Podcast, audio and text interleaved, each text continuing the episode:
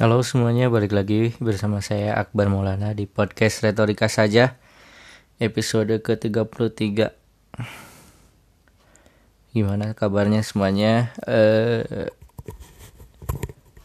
di hari Rabu ya hari ini. Eh, Ya karena kayaknya bakal ganti deh harinya nggak uh, akan hari Selasa lagi karena mungkin bentrok ya sama kegiatan lain jadi dipindahin aja ke hari Rabu. Uh, gimana? Gimana harimu di akhir bulan Januari ini? Sudah sudah sedang tidak memiliki uang kah karena akhir bulan atau bagaimana? Uh, menyedihkan karena nggak ada uang atau gimana? Uh, atau atau kamu sedang berpikir untuk membentuk kerajaan seperti Sunda Empire dan uh, apa? Kerajaan sejagat itu? Ya mungkin emang harus harus ada orang halu di dunia ini dan kenapa harus dikasih panggung gitu ya? Kayaknya emang konspirasi tau. Kayaknya ya. Sunda Empire terus ya yang timbul kerajaan-kerajaan absurd itu diciptakan untuk mengalihkan isu dari permasalahan-permasalahan yang terjadi di masyarakat yang lebih penting gitu. Kayaknya gitu deh sehingga akhirnya masyarakat lupa terhadap apa yang menjadi yang harusnya menjadi konsen bagi mereka di kemudian hari. Ya enggak sih?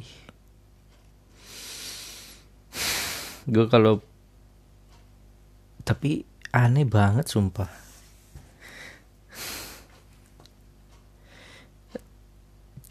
Lucu gitu melihat orang memiliki uh, cerita yang meyakinkan namun ngaco gitu secara logika.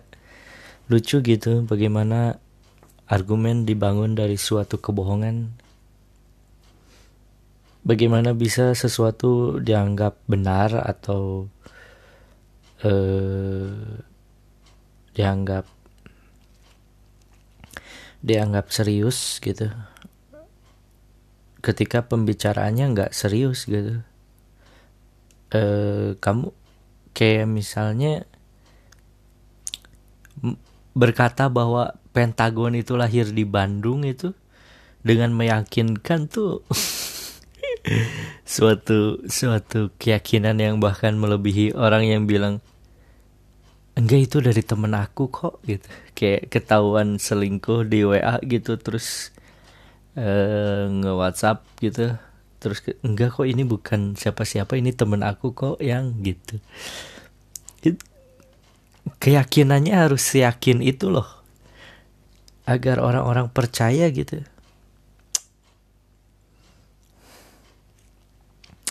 Keyakinan bahwa ABCD itu negara ini dibangun oleh ABCD eh, ABCD yaitu Amerika, British, Kanada dan Bandung. Itu keyakinannya. Keyakinannya tuh harus yakin gitu membuat orang lain percaya gitu. Gak kebayangkan misalnya kalau eh apa? Yaitu si A Amerika B British C Kanada D D D D Bandung B kali Bandung. Dung. Itu harus sebuah keyakinan yang yang tinggi agar tidak nampak konyol gitu. Kayak kayak kayak seyakin lu salah nyebut nama orang gitu. Manggil manggil pacar lu dengan nama temen gitu kayak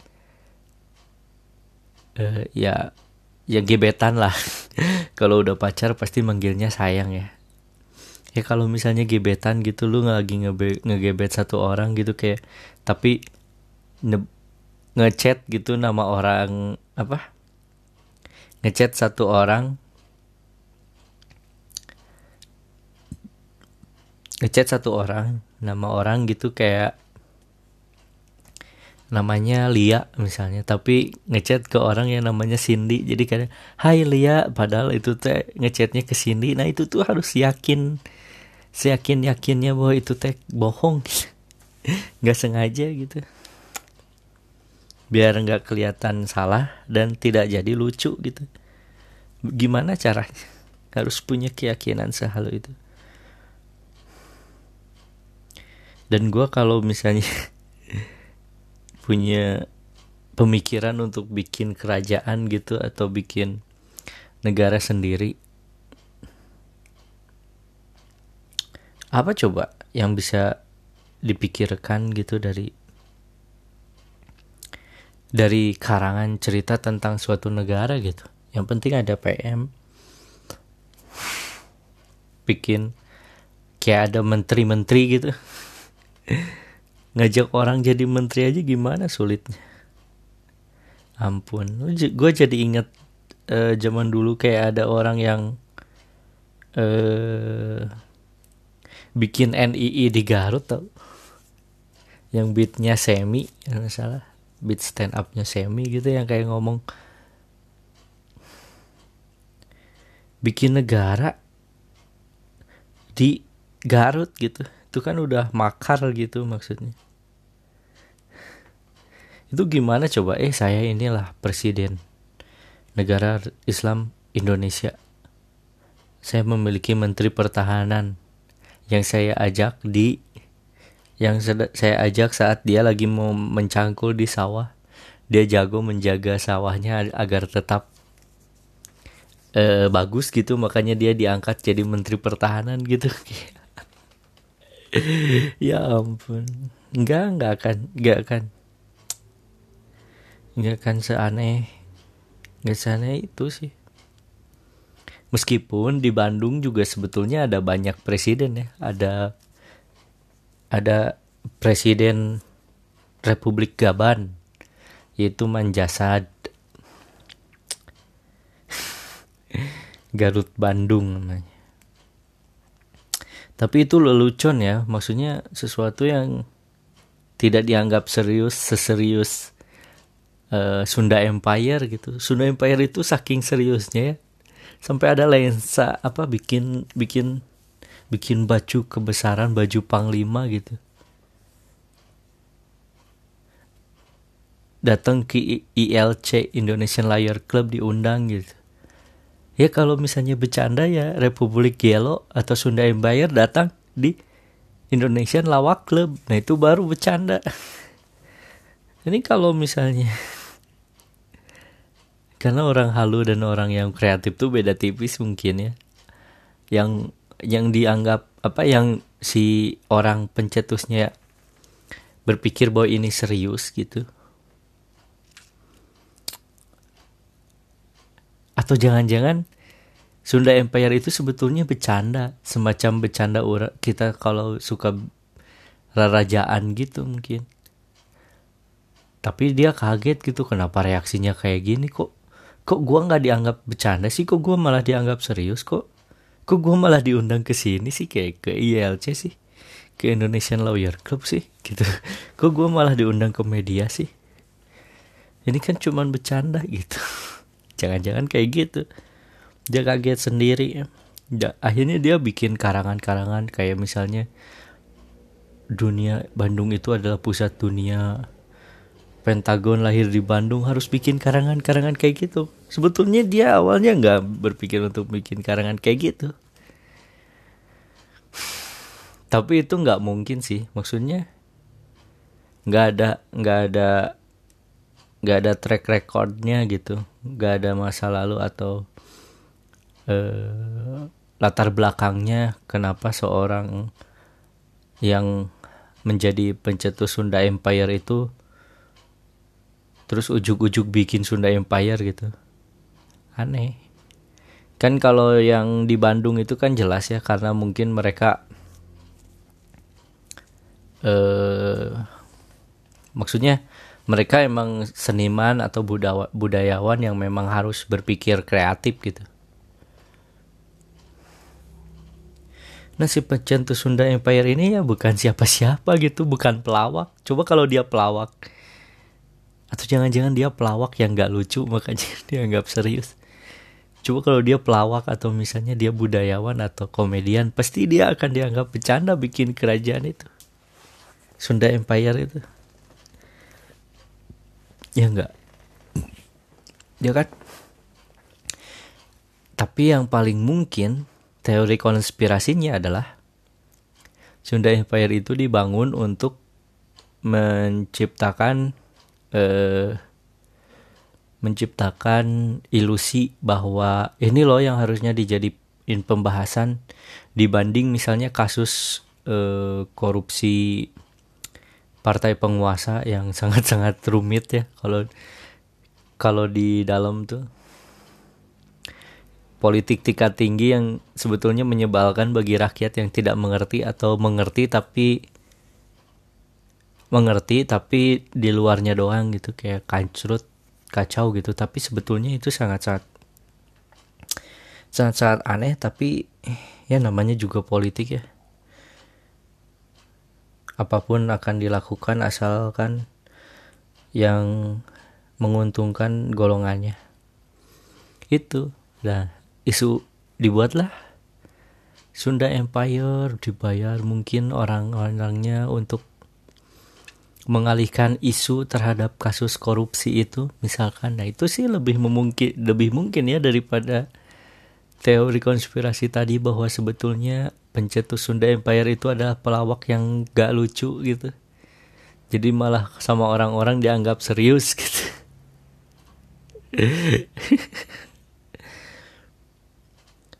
Ternyata ya jadi pelawak yang gak lucu atau pelawak yang gak pelawak yang gak lucu itu malah bikin emosi loh. Pelawak yang gak lucu berarti dia sedang serius. Pelawak yang gak lucu berarti dia sedang berusaha melakukan sesuatu dengan serius. Nah itu. Jadi pelawak adalah pelawak yang lucu adalah pelawak yang berhasil mengungkapkan sesuatu yang serius tapi reaksinya bukan bukan serius juga tapi bercanda tertawa gitu ya itu mungkin. Ya kayak kalau di Bandung emang ada empat republik apa presiden sama satu lagi. Dosen saya juga bilang terus juga punya namanya Republik Yellow.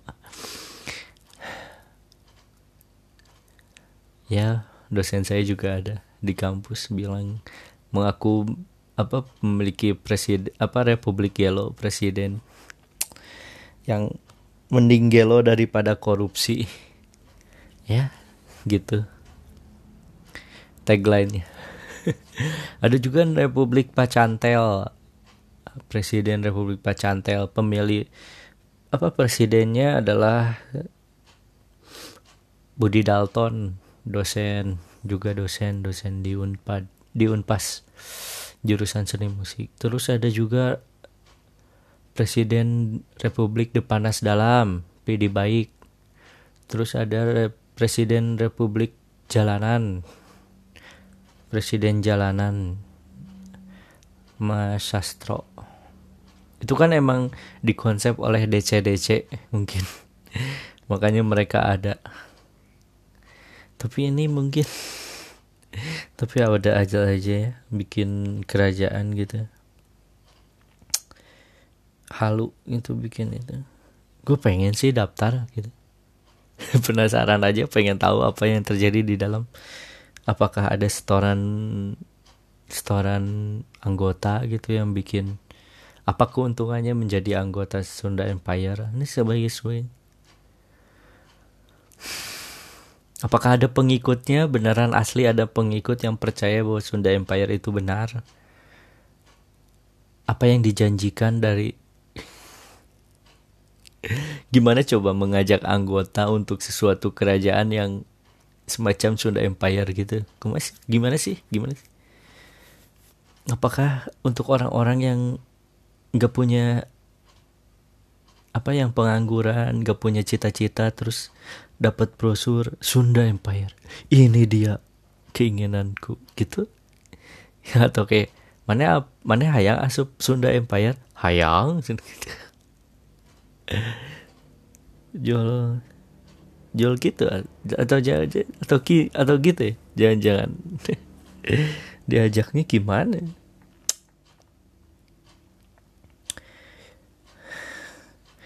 Maksud maksud maksud saya di zaman yang sangat modern seperti ini yang katanya sangat-sangat membuat manusia menjadi berpikir rasional masih aja ada orang yang merasa berpikir masih aja ada orang yang tertipu oleh semacam halusinasi gagasan halusinasi seperti itu gitu kerajaan kerajaan Sunda Empire yang halus yang karangan gitu. Yang maksudnya sulit dibuktikan secara ilmiah. Ya mungkin ya. Aku aku kira ya uh, apa aku kira ya kita kita tuh udah cukup dengan eh tahu nggak soal soal dokter dok apa dokter namanya ini telah menemukan virus untuk ini uh, tobat. Dokter ini luar negeri berhasil menemukan obat ini. Subhanallah. Yang ternyata dokter itu adalah pemain bokep. gitu. tapi di Karang gua dia tuh dokter S3 yang menemukan ini ini virus ini yang menyembuhkan atau ada ilmuwan muslim gitu aku kira itu loh yang paling parah dari gampangnya kita ketipu atau verifikasi dan Iya sih. Verifikasi gitu. Ini ada seorang bilang bahwa saya Bandung itu akan menjadi pusat dunia. Akan ada kerajaan Sunda Empire gitu kayak wow. Ada yang percaya gitu. Ini tuh lebih parah dari isu tadi. Gue percaya sih kenapa uh, orang yang ternyata pemain film porno itu dianggap dianggap dokter atau di setting untuk menjadi ilmuwan dokter yang sangat berhasil atau sukses. Karena hanya orang-orang yang sering nonton bokep sih yang tahu bahwa orang itu adalah pemain bokep.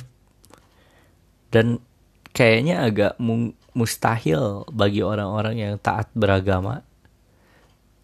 Yang subhanallah umat ini telah berhasil. Nggak mungkin kayak kok kayak pernah lihat di situs bokep ya? Nggak mungkin orang yang taat lihat bokep gitu. Nggak mungkin.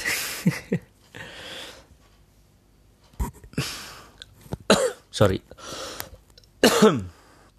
Sorry. Iya kan? Ya gitulah. Hmm. gue hari Minggu dapat kabar duka lagi ya.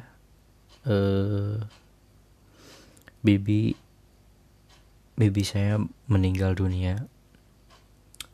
Jadi ya sedih gitu.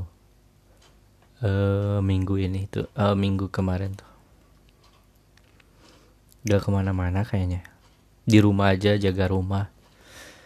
Ya nggak apa-apa lah udah takdirnya kayak gini semoga aja segera ya harus ikhlas lah intinya. Harus semoga ya yang penting mendoakan aja ya. Terima kasih. Itu doang informasinya. Nggak ada lagi. Um, ya selain itu Sunda Empire ya.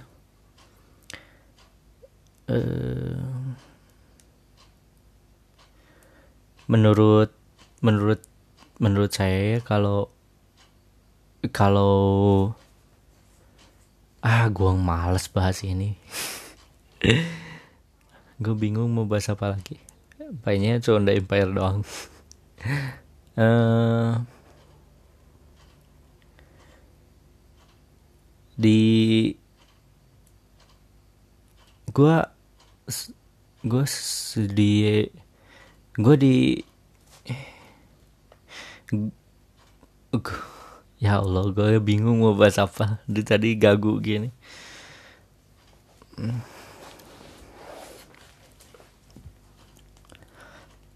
uh, di selain oh iya selain itu juga Kobe Bryant dan anaknya yang meninggal dunia di karena kecelakaan helikopter gitu. Menurut sebelumnya, menurut kalian boleh nggak sih? Kayaknya nggak boleh ya kalau misalnya kita menyebutkan penyakit uh, orang yang orang yang meninggal gitu kayak dia kenapa sakit? Oh dia kenapa meninggal? Ya karena sakit aja mungkin. Atau ya karena takdir. Ya karena sakit aja. Sakit. Ya karena sakit lambung lah. Ini ada sakit lah di ya pokoknya sakit lah pusing kepala gitu. Nggak sakit parah tuh nggak pernah nggak boleh. Nggak boleh diomongin emang ya pokoknya bilang aja meninggal karena sakit gitu. Nggak perlu dikasih tahu sakit apa dan sebagainya gitu. Atau cerita aja bahwa penyakitnya ini gitu. Kayaknya nggak boleh ngomong penyakitnya apa ya bilang aja sakit ya. Ya karena kadang gue suka pengen ngomong seterbuka itu gitu sesuatu yang sebetulnya harusnya di keep dijaga untuk diri sendiri tapi malah dikasih tahu ke orang lain. Hanya untuk sekedar ngasih tahu bahwa ya aku teh orangnya kayak gini gitu. Padahal nggak usah ya. Kalau orang lain nggak mau tahu karena nggak orang lain juga nggak mau tahu soal itu ya kayaknya. Tapi gue tuh pengen sih berhenti buat ngomongin apa yang gue apa keburukan gue gitu. Karena gue tuh selalu berusaha pengen ngomongin apa keburukan gue sih. Ngasih tahu ke orang-orang kayak masalah pinjem uang buat beli sesuatu aja gitu. Dikasih tahu uh, ada ada kayak misalnya aku nanyain ke orangnya tentang orang lain gitu kayak eh ada si Linda nggak kenapa enggak ini mau minjem uang buat beli ini gitu? Kenapa harus ngomong ada perlu buat minjem uang gitu? Yang kan? Padahal ya udah bilang aja bari apa? Sambil sembunyi sembunyi gitu bah. Ya minjem uang gitu. Kan gitu bisa ya. Kenapa harus ngomong kayak kayak gitu gitu? Ya saya harus berusaha untuk berubah apa harus bisa memfilter apa yang harusnya dibicarakan dan mana yang nggak boleh diungkapkan. Itu sih pre, harusnya premisnya itu. Seterbuka seterbukanya orang itu apa sebaiknya tahu gitu mana yang harusnya disampaikan mana yang enggak kecuali konteksnya bercanda atau di panggung ya yang uh, freedom of speech-nya di di diagung-agungkan. Kayaknya balik lagi ya hari minggu kemarin juga sedih.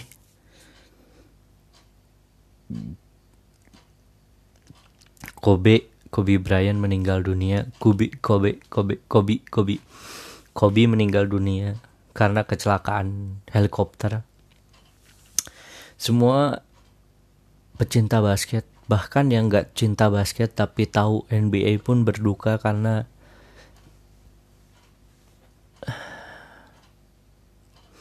orang seperti uh, seorang seperti Kobe Bryant tuh emang sangat-sangat sangat-sangat uh, meng menginspirasi gitu. Kayak orang-orang tuh respect lah padanya gitu pada orang tersebut gitu. Karena kerja kerasnya passionnya passionate-nya terhadap sesuatu gitu. Kecintaannya terhadap basket gitu dia pemenang bas apa pemenang kontes slam dunk di musim keduanya juara NBA dengan Shaquille O'Neal yang sangat-sangat yang sangat-sangat powerful itu yang bikin apa yang bikin aturan NBA berubah. Terus tanpa Shaquille O'Neal juga bisa menang juara NBA menang Oscar juga Kobe Bryant karena film pendeknya animasi pendeknya. Ya pokoknya sangat-sangat menginspirasi dihormati oleh diidolai oleh setiap anak basket yang sedang merintis karirnya dihormati oleh para pemilik uh, para atlet dari olahraga lain. Dan gua yang sebetulnya nggak terlalu suka gitu ya. Maksudnya nggak suka cuman belum pernah melihat gitu. Hanya mendengar ceritanya. Wah respect bro. Sedih. Saya juga merasakan kesedihannya. Kayak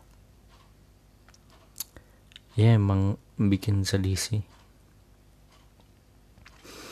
uh,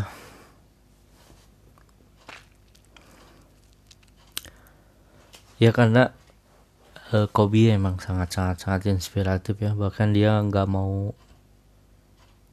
ya pokoknya kerja kerasnya melebihi siapa pun gitu. Jadi makanya mendapatkan respect dari orang-orang. Di game terakhirnya dia mencetak poin 60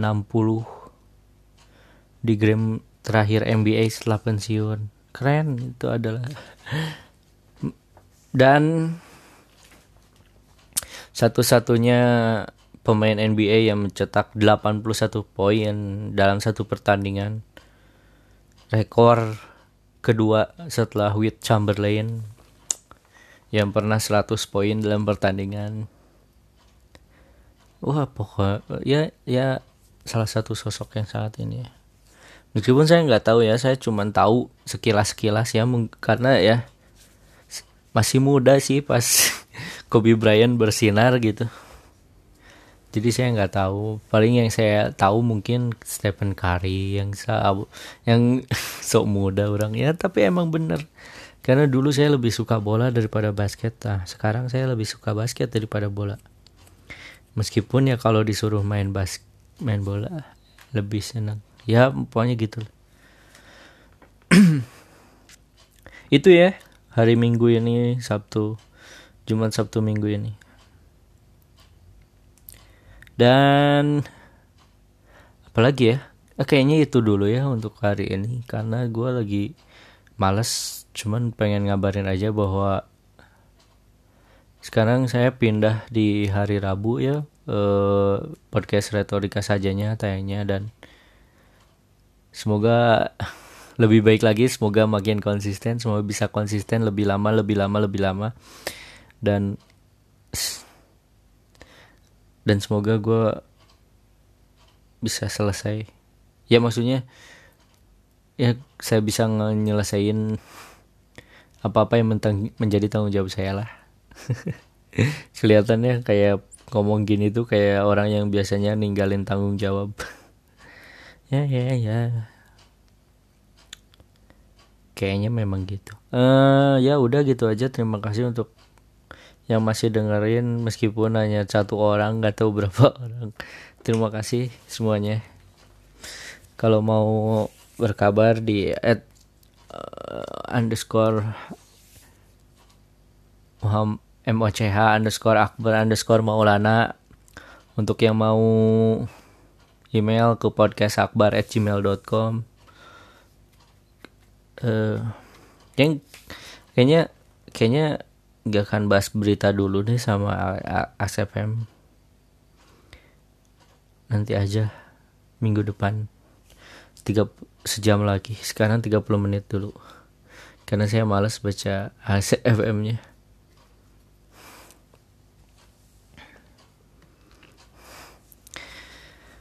ya segitu aja ya. Uh, ya udah dah. Terima kasih. Selamat malam. Salam retorika saja.